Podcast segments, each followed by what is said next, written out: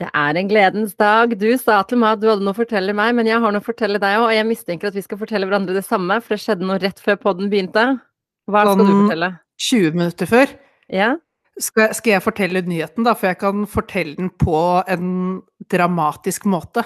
Oi, gjør det. Er Eller så om det er så- samme greia i det hele tatt. Eller så dramatisk som jeg klarer. Jeg har en følelse av at det er samme greia. Ok. For min dramatiske måte å fortelle på dette, Irma, er jo at jeg våknet i natt Mhm. av å være sår i halsen, forkjølet. Oi. Så jeg har jo enten fått korona, eller mye mer sannsynlig, og mye verre, manflu. Sannsynligvis manflu. Det lukter manflu langt på vei når du starter så dramatisk. Mest trolig. Men det som da gjør Skaper et dette, At dette gjør at dette er et dramatisk bakteppe til nyheten, er jo at jeg regner med at du fikk samme SMS som meg for en halvtime siden om at Korrekt. nå kan vi bestille oss vaksinetime. Men fikk liksom vår Det var akkurat det jeg fikk. Men er det sånn at vår generasjon har fått liksom, altså, den meldinga samtidig? Det må jo være det. Problemet mitt er jo at jeg må først finne ut om jeg er frisk nok til å ta vaksina. Men første ledige time, i hvert fall for min del, for jeg valgte jo um, Hvilket apotek valgte du? Nei, jeg har ikke Før jeg vet om jeg er frisk nok, så har jeg ikke booket time. Nei, ikke sant. Fordi du kan velge apotek, eh, og jeg valgte selvfølgelig nærmeste her. eh, Og det er rett nede ved deg, som jeg tipper du også kommer til å velge. Rett ved Reman der, vet du. Ja. Ja, eh, og der var du første ledig på mandag, altså førstkommende om en uke. Ah, men så så, måtte du booke også dose to, som var ute i hvilken måned av niende måned? Det er september, da. ja, Ja. Så jeg måtte booke begge tidene mine samtidig. samtidig. Men det var gjort på ett sekund. Det var så enkelt. Og jeg, jeg er sjokkert. Hvorfor får vi vaksine nå? Jeg trodde vi skulle vente lenger. Men det er vel litt sånn I Oslo så er det vel litt hvilke bydeler man bor i. Tror Ja, jeg. det kan- hvor det langt man har være. Men jeg trodde liksom Jeg trodde det hadde med alder å gjøre. For jeg vet at mamma i Horten eh, ikke har, så vidt jeg vet, eh, fått tilbud om vaksine ennå. Nei. Det, men, ja, for vi har jo i Oslo her, så har jo vi De har jo jobbet seg nedover fra eldst mot yngst, men så har de jo hoppet over vår aldersgruppe. Ja, jeg vet, men det er For derfor jeg trodde vi kom sist. Det Men trodde det er jo, så når vi da skal få vaksine, vi som er på en måte friske og midt imellom to unge og eldre aldersgrupper, så er jo dette her en gledens dag.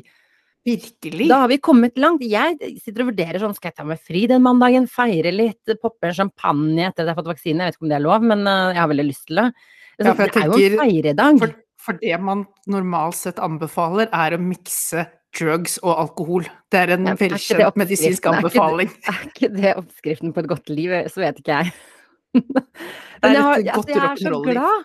Jeg, altså, jeg, tror, jeg tror jeg bare jeg heiv meg over SMS-en, eh, for nå har jeg hørt om alle andre som har fått vaksine, og bare tenkt nå må jeg bare sitte rolig i båten og være tålmodig. Men fy flate, nå er vi i gang, dere. Nå Nå- begynner vi å komme dit. Betyr det at vi kan reise i sommer? Eh, reise kan man vel uansett, men eh, du har jo ikke, du har ikke vaksinepass før du har begge dosene, er ganske sikker Ok, så det blir ingen reise. til fader. Ja ja, men det, jeg tar det jeg får. Jeg tar det jeg får. Åh, det blir så deilig. Og det er egentlig litt sånn starten på sommeren. Det er pangstart på sommeren. og Jeg gleder meg vilt til den vaksina nå, ass. Ja, det blir, eh, det blir utrolig deilig, det. Mhm. Og liksom viktigere da, enn at vi får den. For vi må, vi må prøve å se litt bredere på det også, Irma, sånn eh, fra tid til annen, er jo at når vi får den som siste gruppa i Oslo, så må jo Oslo begynne å nærme seg fullvaksinert så smått. det er det jeg tenker. For jeg har tenkt at når de kommer så langsomt til oss, så, så er jo de fleste safe, på en måte. Ja. Og da kan vi liksom For vi diskuterte dette her, jeg og Jonas. Vi var på Storo storsenter sammen her om dagen. Og nå er det jo sånn at man ikke trenger å ha ansiktsmaske, som vi har hatt i veldig, veldig lang tid på oss eh, overalt i butikker. Vi landa jo på det at jeg hadde jo egentlig ikke lyst til å ha på meg maske. Men det var ganske mye folk der. Eh, Du insisterte på at du skulle fortsatt ha på deg maske. Jeg kunne ikke være et dårligere menneske. Så jeg tok med maske jeg også, og det var fortsatt veldig mange som gikk rundt med ansiktsmaske. Og jeg tror folk kommer til å gjøre det inntil de føler at liksom nå er det typ null smitte, hvis du skjønner? Kan jeg få lov til å kommentere litt på maskebruken din? Nå er jeg spent. Ja, vær så god. Det er Altså, du er den eneste jeg har klart å se som har endt opp med maska på vrange. Altså hatt på deg maska riktig, og så har du Om du har klødd eller hva du har gjort, plutselig så har du bare vridd maska, og den står på vranga. Og da tenker jeg at du går rundt som en større smitterisiko enn uh, et uh, tiltak for det å Det var et uhell, Jonas. Men jeg har en nostalgisk kommentar som er veldig egentlig fint å tenke på. Vi startet poden vår eh, når korona startet, cirka. Ja. Og nå går vi inn i sommerferie med sommerferie fri fra poden, med vaksinenyhet. Tror du, tror du, vi kan starte sesong fire, da, som det blir etter sommeren, med å snakke om at korona har forlatt oss? Akkurat ja. som vi starta sesong én med at korona har kommet til oss? Ja, jeg vil ha full circle, og jeg føler at det er det vi gjør nå. Nå er det full circle. Vi, det er jo helt nydelig. Ja, vi startet med å snakke om at nå er vi på hjemmekontor, og ting begynner å stenge ned, og vi var litt sånn all over the place. Og nå avslutter vi sesongen med å si at vi skal begge to inn og få vaksine straks. Det er, det er nydelig. Det er, no, det er meant to be, denne poden her. Den skal rundt in a full circle. Men når vi er litt innpå sånn meant to be, for du tok jo opp denne shoppingturen vår på Storosenteret. Å gud, Irma. ja, det har du selvfølgelig reflektert over. Fortell. Nei, altså jeg har reflektert over alt mulig, men jeg må jo bare si da, denne dagen startet jo egentlig med at vi hadde avtale om å møtes på treningssenteret. Mm -hmm. Og vi møttes på treningssenteret. Og jeg står altså inne, og så ser jeg Irma drive og bipe seg inn inngangsdøren med en sekk som brukes av enten Lars Monsen på tvers over Canada, eller av folk som smugler små menneskebarn over grensen. Eller alternativ tre, tydeligvis, Irma som skal på shopping på Storosenteret. Det var en gigantisk sekk! Det er så jævlig digg. Jeg måtte jo det, da, for jeg skulle jo ikke kjøre bil. Jeg skulle jo Ja, jeg skulle jo faktisk eh, Jeg skulle, jeg skulle shoppe, da. Måtte bære med meg alt dette her. Jeg liker jo ikke å bære ting eh, Liker ikke å bære ting eh, for hånd, jeg. Nei, og det, det, endte jo med at du klagde over at sekken ble fryktelig tung. Men uh, etter kun et par stopp, ett av de midt på et fotgjengerfelt i Storokrysset, det syns jeg var noe risikabelt, men da sa knærne dine at nok var nok. Etter et par stopp så kom du, deg, kom du deg hjem, da. Altså, vi hadde trent hele kroppen, og så har jeg skjønt neste dag at det jeg ikke trente, var f.eks. rygg, men det var der jeg var mest støl. Det var sekken? Altså, det var sekken. Å, fy fader, nei, det var tungt, men det var verdt det. Det var en real treningsøkt, så hvis du trenger noen tips til hverdagstrening, ta på deg en tung sekk. ja, sørg for at den rommer nok. Der har eh, Irma et par eh, gode tips. Og så må jeg si, du var fantastisk på shopping. Vi gikk inn der, og jeg sa til Jonas, jeg brifet han på forhånd, vi ser etter topper og kjoler med puffermer. Eh, og vi ser på løse, tynne bukser eh, som sitter løst. Og du bare Du var så fokusert, så du Jeg har sagt at du skal være med meg på shopping forever. Fordi du bare gikk inn der, og du bare skanna butikken for puffermer eller løse bukser. Og pekte meg i riktig retning, mens jeg begynner jo sånn som jeg alltid gjør i butikk. Begynner å loke, og kanskje jeg heller trenger og begynner å se på helt andre ting. Du bare liksom kjørte meg. Der er det puffermer, der er det sånn. Uh, og så kom vi til HM, hvor det var sånn bitte liten topp. Du vet sånn som akkurat dekker puppene dine, og sånn liten skulder på sida.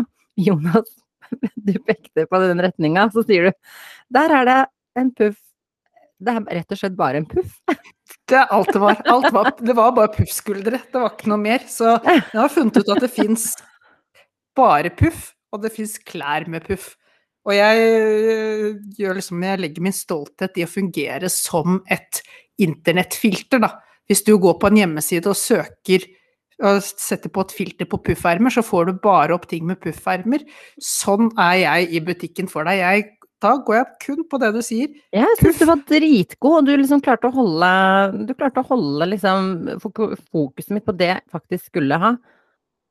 Ja, det og, det var, og det, er jo, det er jo ren overlevelsestaktikk fra min side, for jeg skjønner jo at vi blir der inne fryktelig lenge hvis ikke jeg gjør den jobben der.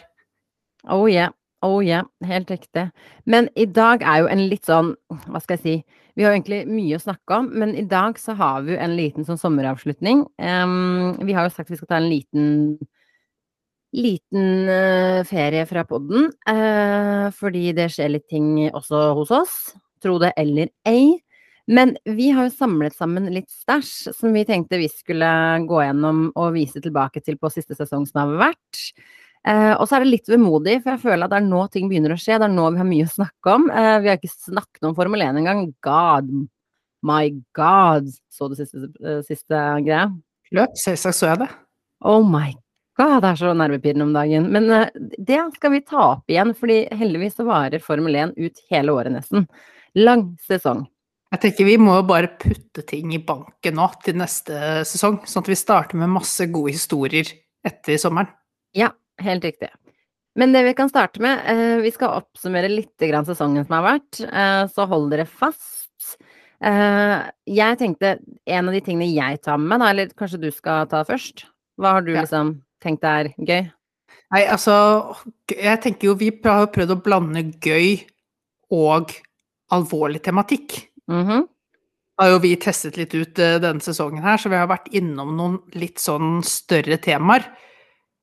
Uh, så vi skal jo ikke kjøre massevis fra det, for det er jo større diskusjoner, og vi trekker bare ut sånne små detaljer fra det. Men før vi hører på noe som helst klipp der, Irma, så tenker jeg at du serverte en sånn 10-12 sekunder bare oppsummert hvilken vitenskapelig metode da, vi bruker når vi diskuterer eh, alvorlige og mindre alvorlige temaer. Så jeg tenkte vi kan jo bare starte med den.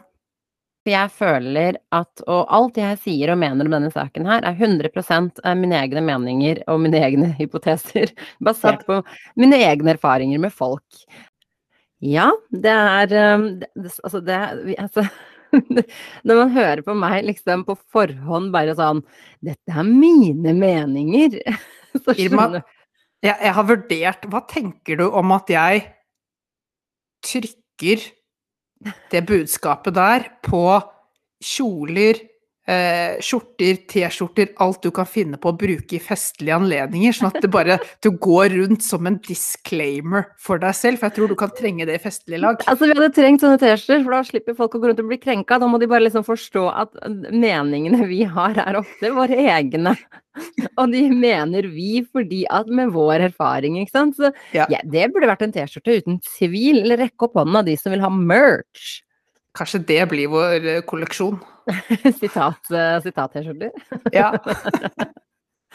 Nei, det er gøy, men eh, det, det, ligger jo til grunn, da, dette sitatet der, for egentlig alt vi har drevet med. Vi har jo bare ment og ment og ment og ment. I best det, case så har vi lest oss opp som ti minutter før vi har begynt å snakke om noe. best case. best case. Det er på en god dag, altså. Vi har ikke hatt mange gode dager denne sesongen.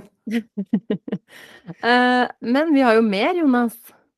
Ja, skal vi høre på noen av de diskusjonene vi har hatt, da? For jeg har snakket litt om Jeg føler veldig mye av det vi har snakket om, kommer tilbake til selvfølelse. Så vi har snakket om selvfølelse, og så har vi snakket litt om sjalusi, som også knytter seg opp mot selvfølelse. Så kan vi ikke bare ta et sånt lite tilbakeblikk da, for å høre hva vi har snakket om der? Jo, store, tunge temaer, og keep in mind, det er våre meninger som, som du hører her. Vær så god. Jeg syns det er helt irrasjonelt å sette seg selv i en situasjon med et menneske hvor du, hvor du blir usikker av dette mennesket, og hvor du går rundt og, og er engstelig og sjalu og usikker og redd for å miste dette mennesket. Hvis noen får deg til å føle deg sånn, hvordan er det rasjonelt at man ønsker å bli? For meg er det helt spinnvilt. Jeg har jo null toleranse for sjalusi, i noen sammenheng. Jeg har ikke, det er ingen, altså Vi lever jo ikke lenge nok til å sitte og holde på med de greiene der. Jo, jeg er veldig spent på hvordan du skal legge frem sjalusi som positivt. Gi meg gjerne de positive uh, Gi meg det positive sjalusi. Gi meg et par, par, tre tanker. Positive ja, for det var jo noe forskning som jeg leste som har gjort at sjalusi er jo mye På mange måter et lim i spesielt vennskapsforhold. Eh, for det som er det positive med sjalusien, om du vil si det sånn, er jo at den viser at du bryr deg, på sett og vis. Altså det at du kan bli sjalu, viser jo at det betyr noe å ha vedkommende i livet ditt. Og så er jo sjalusi, misunnelse Altså det, det kommer ut på de det kommer ut som de negative konsekvensene av å bry seg om andre mennesker. Altså, jeg er jo veldig glad for at vi hadde en disclaimer i starten der. Eh, for det er ganske eh, harde meninger. Det er liksom, du er fullstendig irrasjonell hvis du er sjalu. Altså, Ja. når, man hører det i ettertid, for jeg har ikke tendens til å høre våre episoder gjennom, så, så er det sånn wow, det var hardt, hardt budskap. Eh, så ja til disclaimeren på begynnelsen. Og jeg, jeg tenker det her er noe av det som har engasjert og nesten også provosert noen lyttere mest. Den herre din nulltoleranse for sjalusi. Det har jeg faktisk fått litt sånn reaksjoner på Har du det? Det har du fortalt meg. det er jo uh, mye fra din søster, Fra min til søster. og med. Ja, som bare Det er jo hardt, og det er litt Det var det jeg prøvde å få fram, at sjalusi er jo Altså, sinne kan jo også være en sånn ting som du kan bli utrolig sint uten at det har noe effekt. Det, det, det bare er en reaksjon på et eller annet som har skjedd, og det samme kan det være med sjalusi.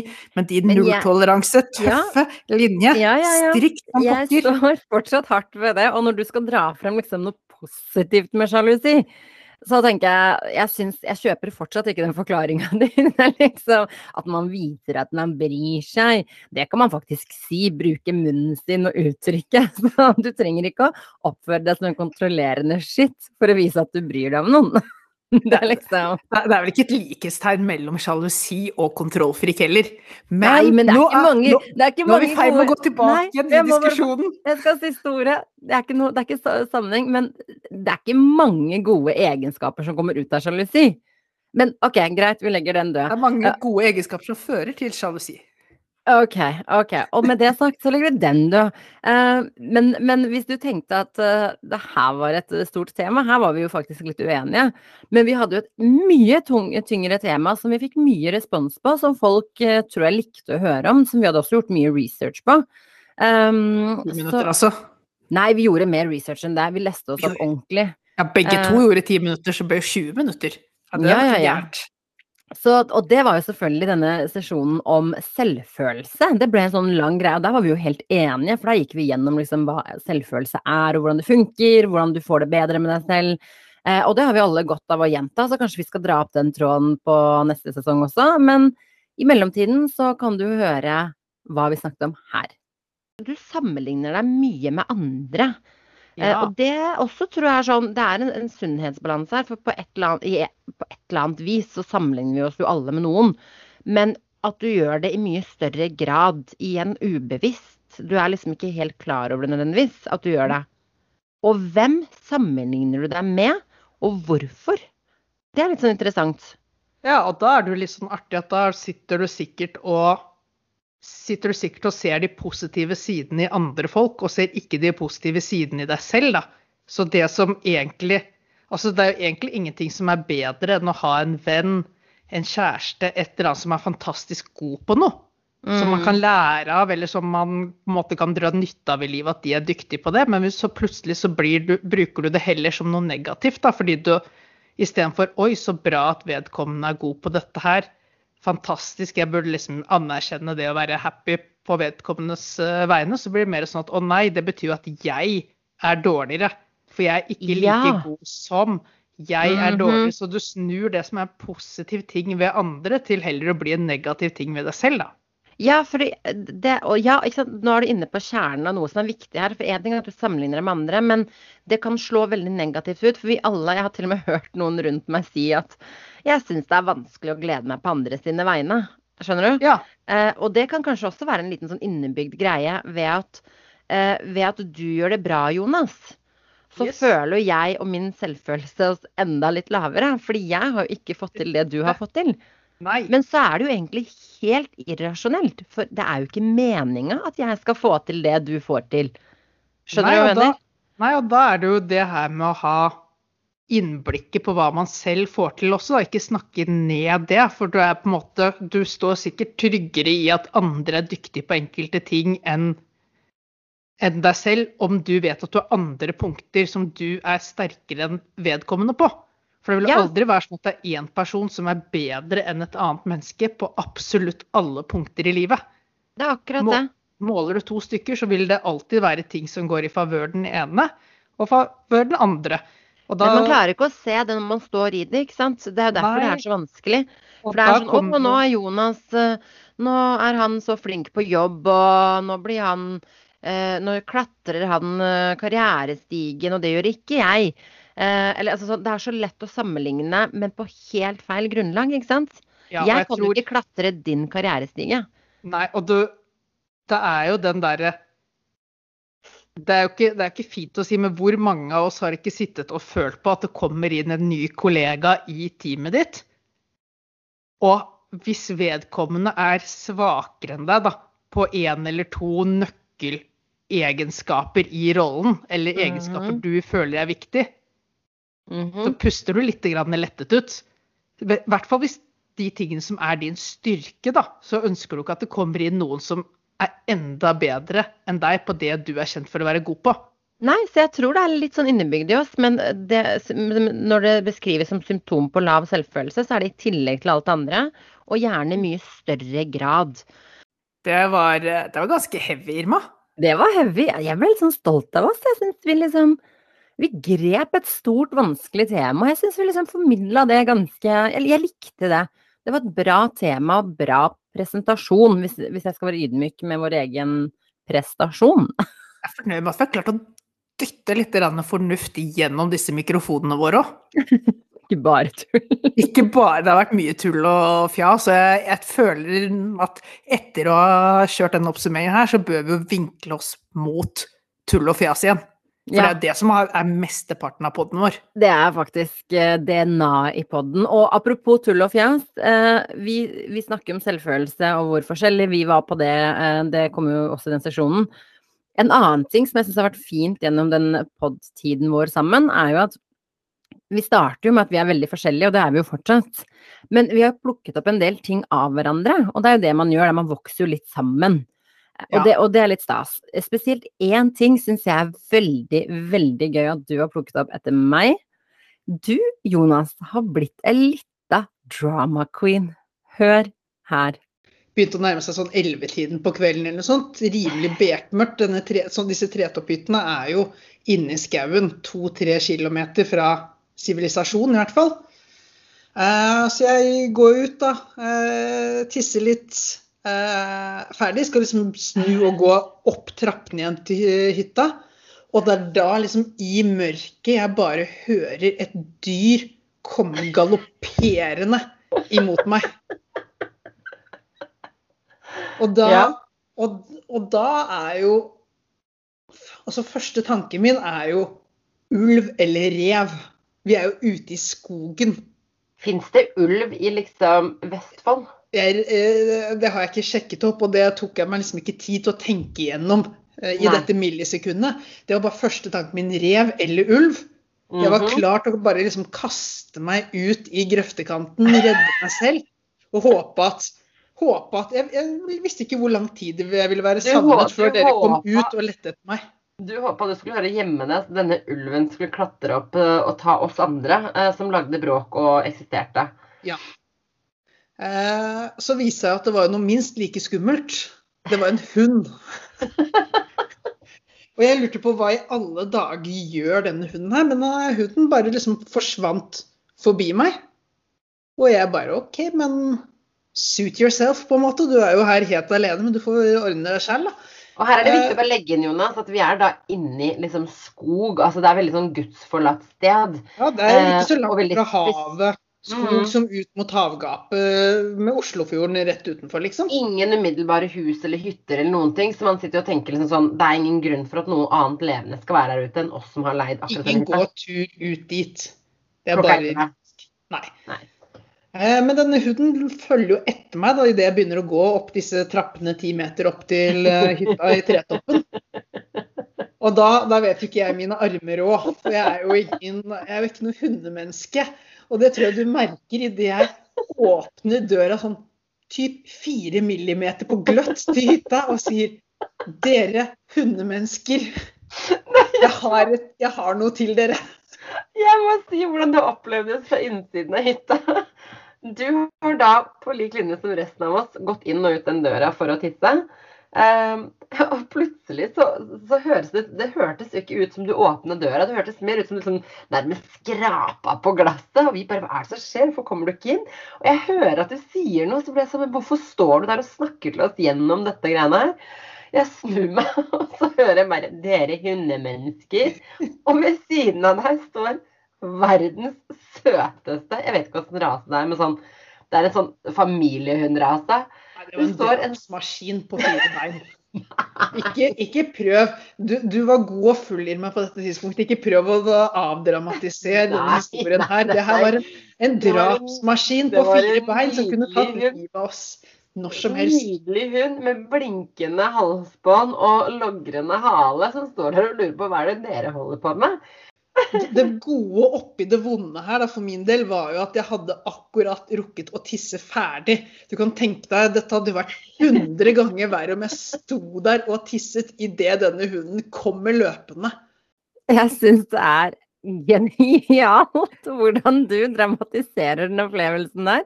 Altså, du bruker uttrykk som 'jeg holdt på å kaste meg til siden', 'jeg trodde det var ulv', eh, 'det var en drapsmaskin', og så var det en søt liten hund. Altså, du altså har blitt du har fått en dose Irma i blodet. Jeg bare sier det. Du har blitt en lita drama queen. Dette er ikke drama queen, dette er en seriøs beskrivelse av en horrornatt. Men det er jo veldig verdt å merke seg at du har plukket opp en del ting av meg òg. For mens Nei. jeg står der i historien og begynner å leve meg inn og fortelle hva er det som skjer, og det går unna, så er det du som stopper opp og sier ja, for vi må bare få avklart, Jonas, dette her er Og så begynner du å beskrive hvordan området vi var i var, og sette scenen for lytterne våre. Der har du plukket opp litt. Jeg har plukket opp eh, litt. Så, men jeg tenker først og fremst at jeg syns du, du, du, har rom for å være litt mer um, litt mer eh, drama queen, så det, det, er fint at vi får jobba litt med det fremover også. At ikke du er til enhver tid i dødsfare. så snakker om å jobbe med. Hvordan, uh, hvordan går det med ratingen din på finn.no? Ratingen min? Ja, har den kommet seg etter et uh, en litt merkelig opplevelse, eller? Å ja. La oss bare spille. Jeg tror ikke de som har rata meg, har turt noe annet enn å gi meg fem stjerner. Hvis det er det du tenker på. Det skjønner jeg veldig godt. Bare hør her. Med saks og joggebukse og liksom hurra meg rundt. Jeg møter han i det første etasje, kommer mot han, liksom, jeg har denne saksa i hånda, for jeg har ikke noen lommer. Og så sier jeg, for å bryte isen, min spøk som jeg syns var dritgøy, så sier jeg ja, det er jo ikke hver dag jeg møter fremmede menn med en saks og drar dem ned i kjelleren med meg. Ikke sant? Jeg syns det her er hysterisk. Du ler, du ler. ler fordi det er gøy. Det er bra. Det er morsomt. Og det er samtidig Det er også noe som er morsomt når en kvinne gjør det. Og som er litt mer på kanten når en mann gjør det. en mann kan ikke dra den der der. Og så, og så ler jeg, og så tenker jeg og så, så skjer det som ikke skal skje. Han er stille, og litt sånn betenkt et sekund, og så, sier, og så sier han ja, man kan vel aldri være for forsiktig. Så jeg skjønner jo da at han tror at jeg har med meg denne saksa som en form for selvforsvar, siden vi skal ned i kjelleren. Og jeg dør. Edvard Saksehånds uekte datter, altså, i, eh, i manesjen der. Å, det er så trist, hele greia. Å, det er en fryktelig historie. Når jeg hører på nå, så blir jeg flau. Jeg var ikke så flau da som jeg er nå, tror jeg. Eller så jeg vet ikke. Du var egentlig veldig stolt av deg selv. Du levde fortsatt på stolthet av den vitsen din. Jeg leverte, altså på mitt beste Irma-stil, eh, en kanonvits. Men, Men, når vi eh, snakker ja. om ting man ikke kan være stolt av, så er det jo virkelig verdt å ta tak i hvor fantastisk det er at vi nå har funnet en måte å få god lyd på i hver eneste podkastepisode. Yes. For det fikk vi ikke til der. Nei, det hører du mellom slagene at lyden vår har vært i utvikling, den også, for å si det mildt. Man hørte jo nesten ikke deg. Så det er jo Nei, det er jo, veldig bra. Det er jo normalt så sliter jeg med å komme til, men denne gang slet jeg med å komme gjennom mikrofonen også. I tillegg. Ja, uh, vi har jo hatt uh, Herregud, hvor mange episoder er vi oppe i nå, Jonas? Dette er nummer 60. Tenk deg det, 60 episoder på drøyt uh, ja, hva blir det, halvannet år? Ja. Ja. Knapt halvannet år. Ja, og vi har, hatt, vi har nesten ikke hatt noe fravær, men vi er jo veldig glad for at vi har funnet oss, og det må vi gi creds til eh, i sesongavslutningen, vi har jo funnet en vikar eh, som har overprestert, eh, nærmest, når en av oss har vært borte eller syke. Eh, så jeg syns vi skal gi en liten creds til eh, vår kjæreste Cecilie, som tropper opp eh, hver gang og tar utfordringen. Eh, dette tilfellet her så var hun vikar både for meg og deg, egentlig, i hver sin runde. Ja, hun eh, hoppet inn i begge stoler og skapte akkurat så mye kaos og glede som en god vikar skal gjøre. Hør her. At um, Hva skal jeg si At folk ikke For jeg vet at som forelder så bryr man seg selvfølgelig mye om barna sine, og det er jo altoppslukende. Hvordan føles det når man omgås folk som egentlig gir beng i barna dine? For å si det på den mest brutale måten. Ja, men så tror jeg heller ikke at du gir helt beng i barna mine, for det er jo barna mine. Ja, selvfølgelig. Det ligger i korta, men Um, sånn for å sette det litt på spissen. Ja, men For jeg spør jo ikke så mye. Jeg er ikke så god sikkert som andre venninner til å spørre sånn Hvordan er det med barna? Har dere det bra? Å, så koselig. Altså, jeg engasjerer meg på en måte ikke Jo, på samme hva? måte. Det er jo stort sett det alle lurer på når de snakker med meg. Om det er foreldrene mine eller noe, altså øvrig familie. Altså hvem som helst. Det er sånn Å, hvordan går det med gutta? Bare sånn Å ja, hei, Cecilie heter jeg. Hyggelig. Aha. Jeg har det også bra. jeg har glemt å spørre deg åssen du har det. Det kommer jeg etterpå. Ja, jeg har merka det. Hvis ikke du har spurt om det. Det er derfor det har vært sånn betent stemning. Mm. Grann i tid for å tenke seg om før du Ja. bestemte deg for å hoppe om bord. Det gjorde det, altså. Jeg måtte tenke litt på det. eh, og som jeg skrev til deg da, at jeg, eh, jeg Nå skal jeg prøve å tenke litt sånn ordentlig eh, gjennom det. Så jeg, jeg gjorde da som Irma ville gjort. Jeg tok et glass vin. Ja, Og helt så- riktig. Gjorde jeg som du ville gjort, og tenkte meg om. Ja, så du kombinerte det beste fra oss to, kombinerte det beste. og kom fram til at dette var ålreit, da. Og så blei det vel kanskje at det blei et par glass vin, da. Ja, Og så blei det ja. Ja og det, der, da går det mer i Irmas retning. Tar mer eh, avgjørelser når du er som minst egnet for det. Ja. Men dette her tror jeg blir en bra avgjørelse. Ja, vi får håpe det. Det er jo Men det er veldig gøy å bli spurt, da. Så det Altså, Cecilie er så fin. Hun er nydelig. Hun er nydelig. Så enkel å prate med. Og i det tilfellet her så prater vi om to vidt forskjellige verdener, og hun er så tålmodig, og hun lytter, og hun har disse punchlinene sine som jeg elsker overalt på jord. Altså, for et menneske. Og du, Jonas, burde jo Det her snakket vi om da, men jeg bare gjentar det. Du burde føle deg truet, for det er en av våre mest lyttede episoder. Den eh, med frivillig barnløs. Hadde det ikke vært for at du har nulltoleranse for sjalusi, så hadde jeg vært litt grann sjalu på de lyttertallene der. Men da vet jeg at ja, da er det slutten på vennskapet, så jeg, jeg prøver å finne selvfølelsen til å ikke føle for mye sjalusi. Oh, bra spilt, bra spilt. Jeg tenker noen ganger må jeg prøve å dytte den der ballen når du prøver å score, men prøve å dytte den tilbake til selvmål istedenfor. oh, nei, vi har gjort mye rart. Vi har gjort mye rart, og vi har fått tak i vikar. Det er jo kanskje det ene punktet hvor vi har søkt ut og faktisk hatt suksess. Stemmer det. For vi har gjort mye rart, og vi har prøvd å jeg, Tidligere sesonger så har jeg prøvd å søke deg inn i Språkrådet. Ja, to ganger, hvis jeg husker riktig. Eller var det bare én gang? Jeg lurer på om det bare var én gang, men jeg tror du, du syns det var så nydelig at det sikkert har foregått et par ganger oppi hodet ditt. Fikk ingen jobb i Språkrådet, la det være konkludert. Det gjorde du ikke, eh, men jeg ser jo fortsatt ser fortsatt dine behov, Irma. Mhm. Det Jeg gjør du helt klart. Jeg har jo ikke stoppet å være på leten eh, etter ting som kan gjøre livet ditt bedre.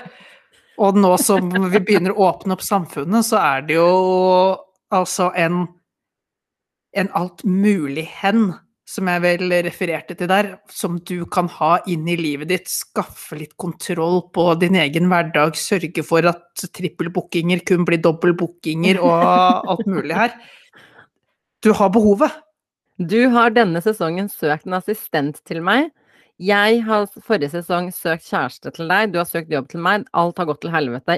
Altså, tre av tre har gått til helvete, men hør hvordan denne sesongens søking har foregått. Etter å ha ligget utslått i en lang koronaperiode, har endelig Irma AS gjenopptatt aktivitetene nærmest som normalt. Det innebærer mye aktiviteter av typen sosiale fyllefester. Slutter vi? Jeg får ikke lov å drikke etter ti. Nei, men du rekker, å bli, du rekker å bli god og full før klokken ti, du, Irma. Fake news, fake news. I den, forbindelsen er vi nå, I den er vi nå på søken etter en personlig assistent slash alt mulig hen. Mm, liker Ser du jeg har gjort deg politisk korrekt? Åh, Yes. liker det, liker det allerede. Riktig. Det er fint om du har oversikt over den romerske kalender, mayakalenderen og alle andre kalendervarianter, da Irma ofte er trippelbooket i alle disse. Ja.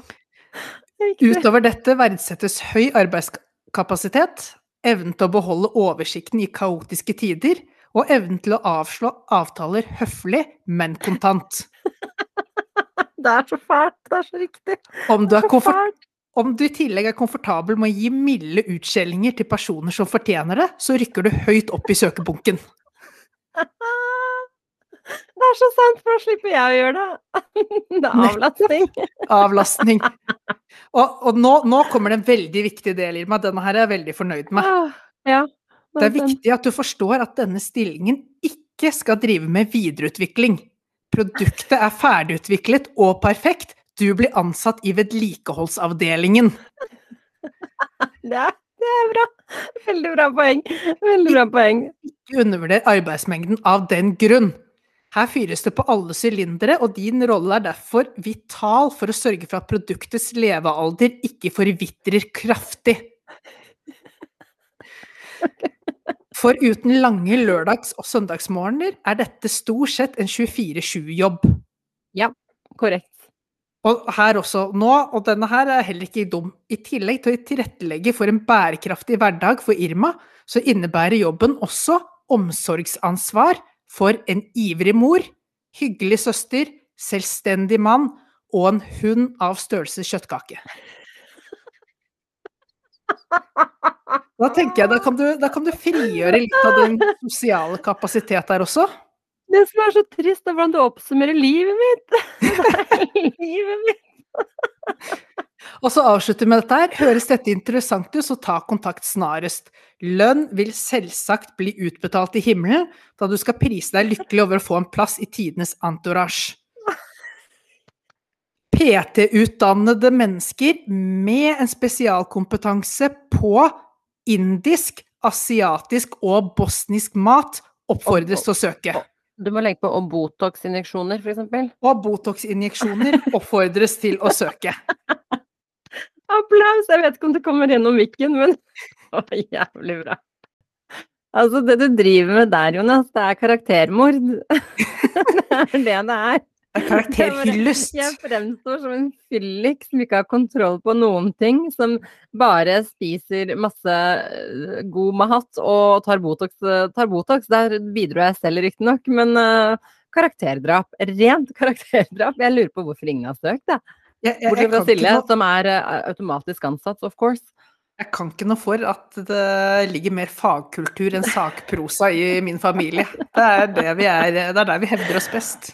Det var en trist, trist oppsummering, og jeg skal ta igjen øh, Jeg skal begynne med noen søknader etter hvert. Vi er jo ikke ferdig med kjærlighetsspalten på noe som helst vis. Vi bare mm, bruker litt kreativ tid til å utvikle den, som jeg kaller det.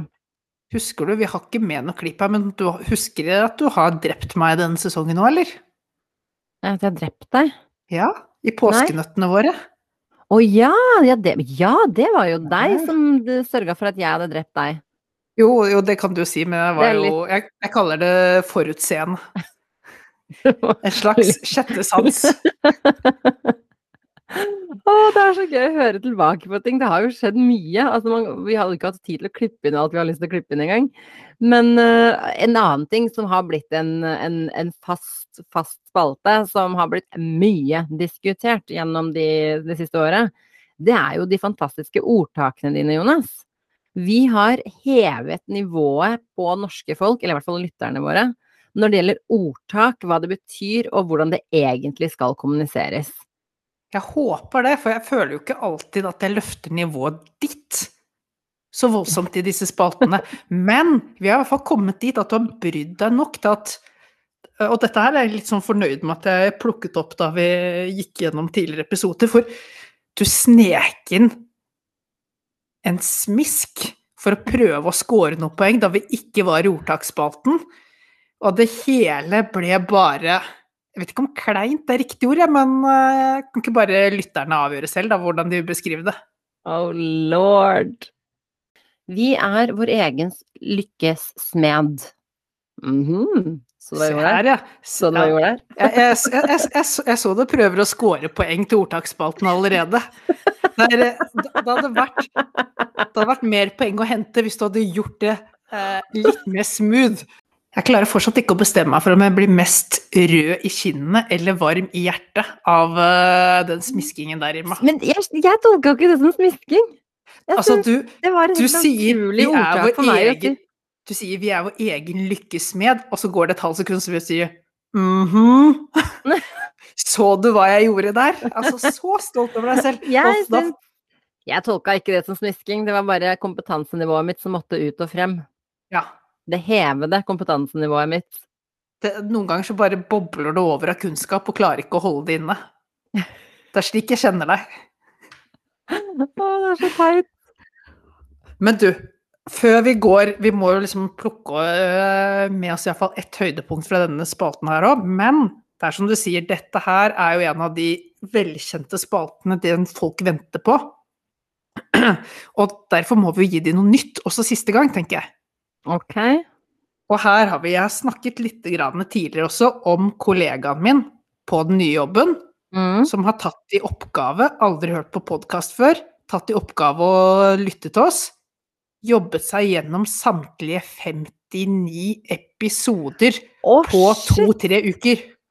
Det er impressive. Ja, Anne Kjersti har hoppet rett opp som vår mest trofaste stjernelytter eh, nummer én. Ja, det liker vi så godt. Men hun spilte inn eh, et ord her, Irma, for hun har bitt seg merke i at vi bruker ordet snålt en del. At ting er snålt. snålt, jeg sier snort. Snort. Snort. Som i snorkete. Nei, snort. Det er så jævla snort. Snålt. Snålt høres jo veldig fiffig ut. Hva, men hva, hva, hva legger du i når du sier det? Hva mener du da? Rart. Noe er rart. Rart, ja. Nettopp. Men det her er et ord som har så ulik betydning hvor du befinner deg geografisk. Ok. For hvis vi bare får Det jeg fikk et uh, innspill på, var at uh, hun er vel oppvokst uh, i Telemarksområdet, eller altså Porsgrunn-Skien. Skien er Mhm. det vel. Eh, og der er snål er pen, pent, morsomt. Jeg trodde du skulle si sånn Danmark eller noe sånt. Hadde det en helt annen betydning på det. Jeg leser meg litt opp Telemarksområdet, utvidet Telemarksområdet, og også i Rogalandsområdet, og kanskje noen steder oppe i Nord-Norge, så betyr snålt pent vakkert. Jeg leste til og med om en som hadde vært ute på en date og sagt at uh, dama At kjolen til dama var så snål. Og ment, ment det som at den var fantastisk uh, flott og fin. Og så, ja, var det ikke slik Da det ble tolket på andre da, siden. Som dame så gjelder det å ikke finne seg en kjæreste fra Rogaland eller Telemark, for da kan det bli en del ubehagelige samtaler. Da blir du snål ganske fort. Da blir, du, da blir det veldig snålt, hele greia. Men hvis du tar turen over svenskegrensa, Ja. da er jo snål det samme som å være gjerrig. What? Så ett ord med så kort, eh, korte geografiske Men da må vi avstander har tre det. ulike betydninger. Da må vi bruke det enda oftere, og så må vi prøve å etter hvert legge inn det det egentlig betyr på svensk eller telemarsk. Etter hvordan det passer i anledningen. Ja, Ja. prøve på det. Jeg, jeg syns du er herlig snål, Irma. Det der var veldig Det der var Hobbes i bokmål, det der var veldig oslosk, så eh, takk, men nei takk. Men eh, det var jo dagens lille ord eh, putte på spalten her. Ny og da kunnskap. tenker jeg ny kunnskap. Men vi kan jo ikke avslutte med ny kunnskap. Vi må plukke med oss et lite høydepunkt fra denne spalten her. Mhm. Og siden jeg har drevet den her, så føler jeg at da er det, var det litt min jobb å få plukke ut høydepunktet òg. Okay, og derfor, derfor så skal vi inn i klesskapet, på sett og vis. Ja, spennende. At noe koster skjorta. Ja, ikke sant? Der må man jo bare anta at en eller annen gang historien, enten på sjøen eller i kirken eller et eller annet religiøst, så har noen betalt dyrt for en skjorte, og siden har det kosta skjorta. Ja. Var det var det? det? Det var ikke helt det. Eh, Det som har vært, er jo at det er litt så morsomt, for dette her er jo et uttrykk eh, som finner et par andre varianter. Mhm. Eh, fra dansk så har du dette her at det koster det hvite ut av øynene, som Mhm. har blitt brukt lite grann i norsk. Det har liksom tatt seg litt opp, men aldri fått ordentlig fotfeste. Så har du dette her at det koster skjorta. Det er egentlig et svenskt uttrykk som har tatt mer og mer over i Norge. For det som har vært det klassiske norske begrepet, har vært at noe har kostet flesk. Men kosta flesk mye i sin tid? Det var nettopp det det gjorde. Altså, flesk, svinekjøtt, var veldig dyrt, og så har det blitt veldig billig. Ok, nå spør jeg dumt. Er flesk og svinekjøtt liksom alt svinekjøtt er flesk, eller er noe svinekjøtt flesk? Jeg tror det er det du bruker i den tradisjonelle retten flesk og duppe, kjent fra Elling-filmene, som Ja, som jeg ikke har spist eller har noe kjennskap til, så, så du må forklare meg det. Er alt svinekjøtt flesk, eller er det noe på svinen som er flesk? Jeg tror det er flesk på svinet. Ja, Det, da, da snakker vi nok ut på fettet og ut mot huden, det herlige lille laget der.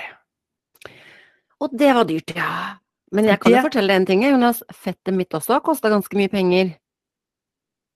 Å, produsere opp, eller ja, å gi, Ja, eller kjøpe, Dette- eller Dette flesket på denne svinen her har uh, tatt mange år, mye tålmodighet og mye innsats. Så den kan jeg gå med på, ja. Det, Ok, så den kan du gå med på, ja. Men for det jeg også Da gikk vi liksom vekk fra å koste flesk, for det fungerte ikke like bra. Flesk var ikke så dyrt. Til Mm. at det kosta skjorta. Og grunnen var ikke på død liv at skjorta var så eh, var så veldig dyr. Det var mer det at det vil du nødig gi fra deg. Altså det der at å gi fra deg skjorta, liksom. Det er jo det siste du ville gjort. Må du huske litt tilbake i tid, du var litt anstendig kledd og alt. Siste du ønsket å gi fra deg, var skjorta. Så det var liksom Kan noen fortelle det til, eh, til reality-deltakere på Ex on the Beach og sånn i dag? nettopp det, Irma, at nå har De gir fra seg skjorta helt gratis hele tiden. Samfunnet har jo skapt kjendiser og millionærer av folk som gratis kler av seg skjorta. Og da, Så kan man derfor- ikke, da koster det ikke skjorta lenger. Nettopp, det sitter å ikke langt inne for folk å kaste og gi fra seg skjorta si. Det er derfor jeg sier til deg, dette Men her holder ikke mål, vi trenger noe nytt. Ja, men kunne vi snudd på det? Det koster deg skjorta å ha på deg den skjorta. Åh, Mm. det koster deg å ha på skjorta. Det koster å ha på skjorta. Det, Det, er det koster å ha på skjorta. Altså, for et rot! Det der er så typisk oss. Vi går inn, og vi går ut, og vi hopper over på nye steder, og, og du kommer plutselig med en kroppskommentar om deg selv og ditt eget flesk som setter meg ut, og jeg må tenke et minutt, passe på at ikke jeg tråkker over noen grenser, og nei, det der, det var bare en nydelig oppsummering av Det eh, bare roter seg fullstendig til. Jeg lurer på om lytterne klarer å henge med. Å gud, jeg ga ingen mening. Ingen mening. Men eh, ja, det koster å ha på seg skjorta. Det koster å ha på seg skjorta. Det er, eh, det er et av de bedre uttrykkene vi har kommet fram til også, føler jeg. Ja, det syns jeg òg. Jeg synes at vi etter mye rot i diskusjonen, så forsto vi hverandre i hvert fall. Så vi landa jo der vi skulle. Ja, vi la, fjellstøtt, vil jeg kalle det, den landingen der. Ja, men takk for veldig mange fine ordtak, Jonas. Det har vært en eh, glede å ta del av det. Nå har vi jo satt i gang en ny variant av det som vi skal ta med oss inn i neste sesong. Det er disse utenlandske med andre språk og meninger og um, sjaloi. Så det blir interessant. Ja. Men eh, litt sånn avslutningsvis, eh, vil du si noe? For jeg har veldig lyst til å avslutte med siste liksom innklipping, for å kalle det det. Oh, ja. Vil du si jeg, jeg noe trodde du skulle si at jeg vil avslutte, ha siste ord. Nei, ja, men det er litt siste ord nå, for jeg tenker vi skal avslutte på liksom høyeste notes. Det tenker jeg òg. Vi må jo bare vi må takke alle som har lyttet uke inn og uke ut, og Mhm. kommet med tidvis tilbakemeldinger. For selv om vi gjør dette først og fremst fordi det er utrolig gøy å bare sitte her, du og jeg, og prate, men det hadde ikke, vi hadde jo ikke gjort det hvis ikke vi hadde hatt noen lyttere, ingen hadde spilt inn noe, ikke vært noe dialog med Mm. alle andre. Så det er jo virkelig å takke dem og bare ønske dem en helt nydelig sommer. Ja, få vaksina, hæla i taket, folkens. Gjør alt jeg ville gjort. Ønsker dere en fantastisk sommer, så håper jeg dere tuner inn igjen um, til eh, tidlig i august en gang, uh, for da skal vi på igjen. Uh, og i mellomtiden så vil jeg avslutte med det jeg syns liksom hele denne podkasten baserer seg på, og det er all, alle de gangene jeg har ledd og ledd og ledd og ledd. Altså, det har vært mye, mye morsomt. Jeg håper dere har dratt på smilebånda dere også. Så god sommer, og nyt nå siste rest av uh, denne sesongens pod. Vær så god. Nå må vi være litt enige om at vi skulle by deg på? Jo, vi skal begynne på, men jeg tenker vi, vi kan rette opp noen av de også, sånn at vi bare ikke blir overflod. At folk også kan komme med de positive tingene som tilbakemelding. At vi ikke gir for mye fyr. Vi, vi har i hvert fall snakket tydeligere. I feisen! Nå går, det, nå går det bra, nå er vi i gang.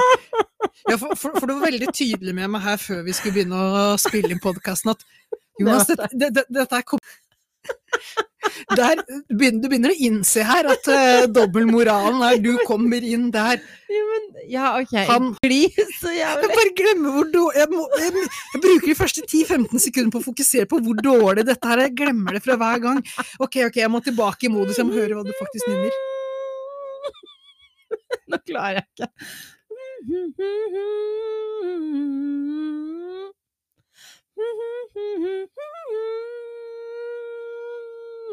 Mm. Jeg, burde, jeg, burde, sikkert klart noe, men uh... Oh, thank you. Yay!